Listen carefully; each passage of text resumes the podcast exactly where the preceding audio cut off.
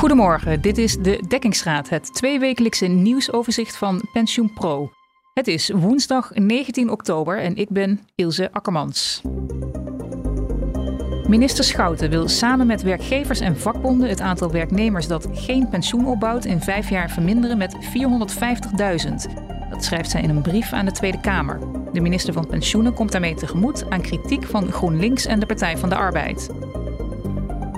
Een snelle rentestijging zoals de afgelopen weken in het Verenigd Koninkrijk zou voor Nederlandse pensioenfondsen een uitdaging betekenen. Dat stelt de Nederlandse Bank een antwoord op vragen van PensioenPro. Nederlandse pensioenfondsen moeten volgens de Nederlandse Bank dan ook nagaan of ze bij een rentestijging liquiditeitsproblemen kunnen krijgen. Met mij in de studio zijn vandaag Chibbe Hoekstra en Maarten van Wijk, redacteur en hoofdredacteur van PensioenPro. We praten hier nog even over door. Welkom. Dankjewel Ilse. Bijna graag. Chibbe, ik begin bij jou. Nederlandse pensioenfondsen moeten nagaan of ze problemen kunnen krijgen met hun liquiditeit als de rente omhoog gaat, zegt de Nederlandse bank. Britse pensioenfondsen kwamen door de snel stijgende rente van de afgelopen weken namelijk in de problemen. Hoe gebeurde dat precies? Nou, de rente die ging uh, ineens enorm de lucht in uh, in Groot-Brittannië. Omdat uh, de Britse regering een nieuwe tussentijdse begroting presenteerde met een enorme gaten in zaten die niet gedekt waren. Daardoor wilden beleggers meer rente hebben op hun staatslening. Ja. Dus daar ging de rente enorm hoog. En Britse fondsen die hebben hun renterisico grotendeels afgedekt. Dat betekent dat wanneer de rente stijgt, dat zij meer onderpand moeten storten. Ja. En daar hadden ze cash voor nodig. Daar moesten ze obligaties voor verkopen.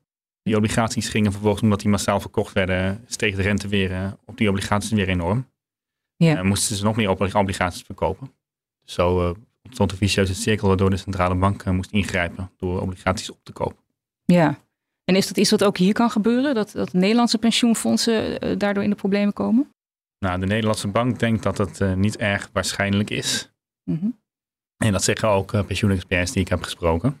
Dat komt aan de ene kant omdat Nederlandse fondsen minder renterisico afdekken dan de Britse. Daardoor hebben ze ook minder, minder onderpand nodig. Mm -hmm. ja, en wat is de gemiddelde renteafdekking nu van Nederlandse fondsen? Mm, die is de laatste tijd wel iets gestegen. Altijd was dan ongeveer de helft. Maar omdat de rente zo extreem gestegen is, ook in Nederland de laatste tijd, is dat nu meer. Omdat de meeste pensioenfondsen een dynamisch afdekkingsbeleid hebben. Dat houdt in dat de afdekking automatisch daalt wanneer de, wanneer de rente stijgt. Ja. Dus nu is dat ongeveer 58 procent. Mm -hmm. En dat is dus een verschil met de, met de Britse situatie. Hè? Maar er zijn, er zijn meer verschillen met de, de Britse situatie hier? Nou, um, de meeste Nederlandse fondsen die kunnen ook obligaties gebruiken als onderpand. Britse fondsen moeten cash storten, waardoor ze snelle stukken moeten verkopen. Ja. En daarnaast gebruiken we de meeste Britse fondsen uh, ook hefboomfinanciering voor een renteafdekking, omdat ze in uh, zogenoemde LDI-fondsen zitten. Ja. Ja, en de Nederlandse bank acht het dus niet waarschijnlijk dat Nederlandse pensioenfondsen in de problemen komen door de snel stijgende rente. Jelle Mensonides, oud-bestuurder van ABP, denkt daar anders over. Die waarschuwde op pensioenpro.nl juist dat ook Nederlandse fondsen in de problemen kunnen komen door een hoge renteafdekking in combinatie met hoge inflatie. Wat is zijn redenering? Nou, hij waarschuwt niet uh, direct voor een, een, crisis. Hij zegt niet dat pensioenfondsen kunnen daardoor in uh, liquiditeitsproblemen komen of iets dergelijks. Hij zegt vooral dat pensioenfondsen nog een keer opnieuw moeten nadenken of het wel slim is om zo'n hogere renteafdekking te hebben. Ja. Wat we nu uh, eigenlijk in een ander regime komen. Want de afgelopen, uh, sinds 2008 hebben we in een voortdurende lage renteomgeving gezeten met een, met een lage groei en lage inflatie. Ja. Uh, pensioenfondsen met een lage renteafdekking, die hebben daar ja, goed mee gevaren. Alleen, ja, hij betoogt terecht dat pensioenfondsen nu misschien hun dekkingsgraad willen beschermen met een hoge afdekking. Mhm. Maar heel erg veel geld verliezen en daardoor geen ruimte meer over hebben om ook te compenseren voor die inflatie. Dus de koopkracht van de deelnemers bij die fondsen die gaat, uh, die holt achteruit. En dat is wel een probleem. Ja. En toch vindt de Nederlandse bank dat pensioenfondsen uh, meer aandacht moeten hebben, juist nu voor adequaat liquiditeitsmanagement. Wat kunnen Nederlandse pensioenfondsen doen om problemen te voorkomen? Nou, bijvoorbeeld een partij als APG die bekijkt nu de eigen stresstesten opnieuw. Ja, Jan-Mark van Meel, hoofd uh, Treasuries bij APG, die ik, die ik sprak vorige week, die zei, ja, wat in het WK gebeurt is voor ons een nieuw scenario. Dus daar, uh, daar passen we onze stresstest op aan.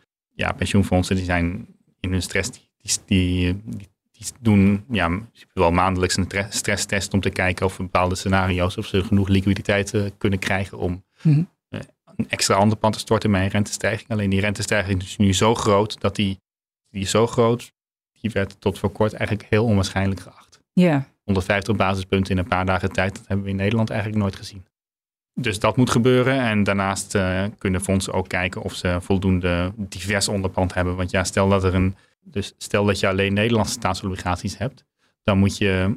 Dan ben je dus afhankelijk van alleen die markt. Als daar iets gebeurt, dan, dan heb je meteen een groot probleem. Dus als je dan ook uh, liquiditeit uit Duitse of, uh, of Franse staatsobligaties kunt halen, dan, dan ben je beter voorbereid op een stressscenario. Ja, dankjewel, Chibbe.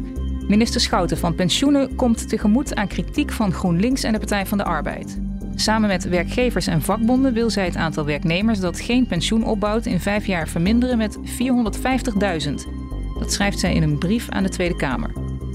Maart, een tegemoetkoming zat eraan te komen. De coalitie heeft de twee oppositiepartijen nodig om de wet toekomstpensioenen door het parlement te krijgen. Lag dit plan in de lijn der verwachting? Ja, nou, om de reden die jij noemt. Hè, kritiek van uh, met name GroenLinks en de Partij van de Arbeid in de Kamer. En dat zijn uh, twee partijen die weliswaar geen deel uitmaken van de coalitie, maar die de minister wel nodig heeft in de Eerste Kamer zo meteen om een meerderheid te hebben voor die wet toekomstpensioenen. Dus mm -hmm. naar die wensen moest goed uh, geluisterd worden.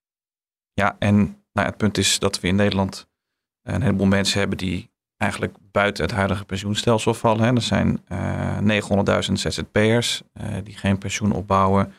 En daarnaast zijn er ongeveer 800.000 werknemers bij bedrijven uh, die ook bij dat bedrijf geen pensioen opbouwen. Dat zijn bijvoorbeeld vaak werknemers in hele kleine bedrijven, ook wel delen van bijvoorbeeld de IT-sector, start-ups en dergelijke, mm die geen pensioenregelingen hebben. En ja, dat, dat werd altijd, nou, dat werd door sommige mensen werd dat wel als een, een lacune ervaren in hè, die grote hervorming waar we nu mee bezig zijn, de grootste pensioenhervorming aller tijden. Um, schijnt. En ja, wat daar aan maatregelen voor dit punt in zit, was eigenlijk wel een beetje mager of heel weinig. Het gaat om een aanscherping van het, van het aanvalsplan Witte Vlek uit 2020. Minister Schouten zegt eerder in een wetgevingsoverleg toe om, om de Stichting van de Arbeid daarom te vragen.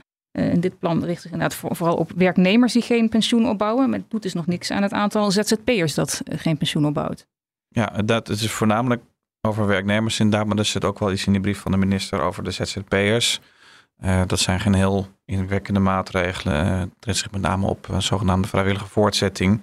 Dus als je nu werknemer bent bij een bedrijf en je wordt een ZZP'er, dan heb je de mogelijkheid om vrijwillig uh, nog even een tijdje bij jouw huidige pensioenfonds te blijven. Mhm. En de mogelijkheden daarvoor worden iets verruimd. Je mag het wat langer doen en je mag er nog wat langer over nadenken of je het wil doen. Maar het is op dit moment al een heel niet populaire uh, regeling, omdat het vooral ook hoop geld kost. Uh, premie die je dan moet inleggen. Mm. Dus ik denk niet dat dat heel uh, erg veel verschil gaat maken. Wat daarnaast is toegezegd door de Stichting van de Arbeid, is dat ze nog een onderzoek gaan doen naar zogenaamde auto-enrollment van ZZP'ers ja. in een pensioenregeling.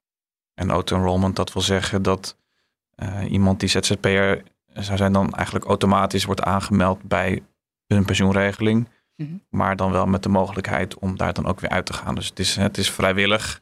Maar als je niks doet, ga je erin. En dat is een beetje een psychologisch spelletje wat je met mensen kan spelen. Ja.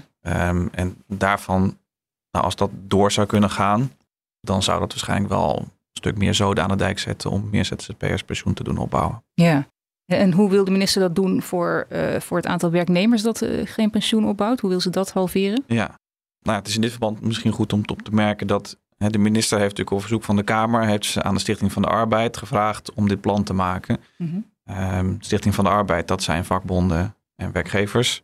Ja. En dat moet ook wel, want um, uiteindelijk is pensioen iets wat afgesproken wordt tussen werkgevers en werknemers. Dus eigenlijk heeft de minister daar niet zo heel veel over te zeggen. Ze kan wel wetgeving maken her en der om het makkelijker te maken. Maar uiteindelijk zullen die ja, bonden en die werkgevers dat moeten gaan doen. Nou, en als je dan kijkt naar het plan, hè, wat ze dus hebben ingeleverd, Stichting van de Arbeid, dan vraag je wel af uh, hoe ze die reductie dan echt kunnen gaan bereiken. Uh, er komt bijvoorbeeld een oproep aan allerlei sectoren die nog geen regeling hebben, om er dan maar eentje te maken. Ja. Uh, of als er al een regeling is, maak hem dan toegankelijker voor andere werkgevers die er misschien nu een beetje buiten vallen, om wat voor reden dan ook. En nou, er zit een verbetering van de regeling voor uitzendkrachten in, maar dat was eigenlijk al besloten. En dat, nou, dan gaan ze misschien kijken of dat dan nog beter kan. je ziet een heleboel dingen, voorlichting aan mensen. Dat je bijvoorbeeld op je loonstrook ziet van, oh, je hebt geen pensioen. Dus een beetje in die campagnes, die hoek, zoeken ze het. Ja, en dan het meest interessant vind ik zelf de basisregeling die ontwikkeld moet gaan worden. Uh, dat is dan een ja, soort hele simpele pensioenregeling, een soort standaard iets. Um, dat zou het voor kleine werkgevers makkelijker moeten maken. Dan zeg je gewoon, nou geef mij maar die regeling en hoef je voor de rest niet over na te denken. Want je moet nu, uh, moet je bijvoorbeeld een pensioenadviseur inschakelen.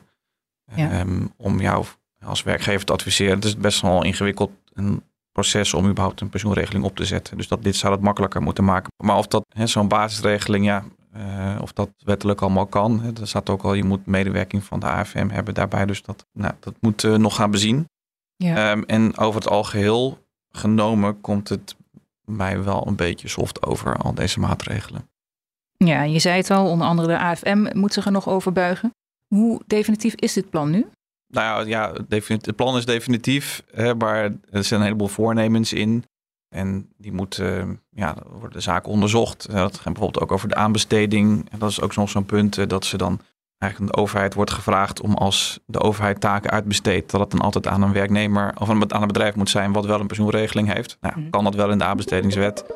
Uh, dus de, um, ja, de voornemens zijn definitief, maar de uitwerking natuurlijk nog niet. Dat moet allemaal de komende jaren ook gaan, uh, gaan gebeuren. Kijk, wat beter zou, wat echt zou werken, is een verplichtstelling, een pensioenplicht voor iedereen. Maar dat is dan toch weer politiek een brug te ver, vermoed ik. Ja. Dus ja, eh, we gaan het zien over vijf jaar. Dankjewel, Maarten van Wijk. Graag gedaan. Vandaag is het laatste wetgevingsoverleg over de pensioenwet met de pensioenwoordvoerders van de Tweede Kamer. Dan moet blijken of GroenLinks en de Partij van de Arbeid tevreden zijn met de toezeggingen van de minister. Dit was de dekkingsraad van PensioenPro met de laatste ontwikkelingen in de Nederlandse pensioen- en beleggingssector. Op pensioenpro.nl lees je meer. Heb je ideeën of suggesties voor ons? Laat het ons dan weten op redactie.pensioenpro.nl. Fijn dat je luisterde. We wensen je een fijne dag en tot over twee weken.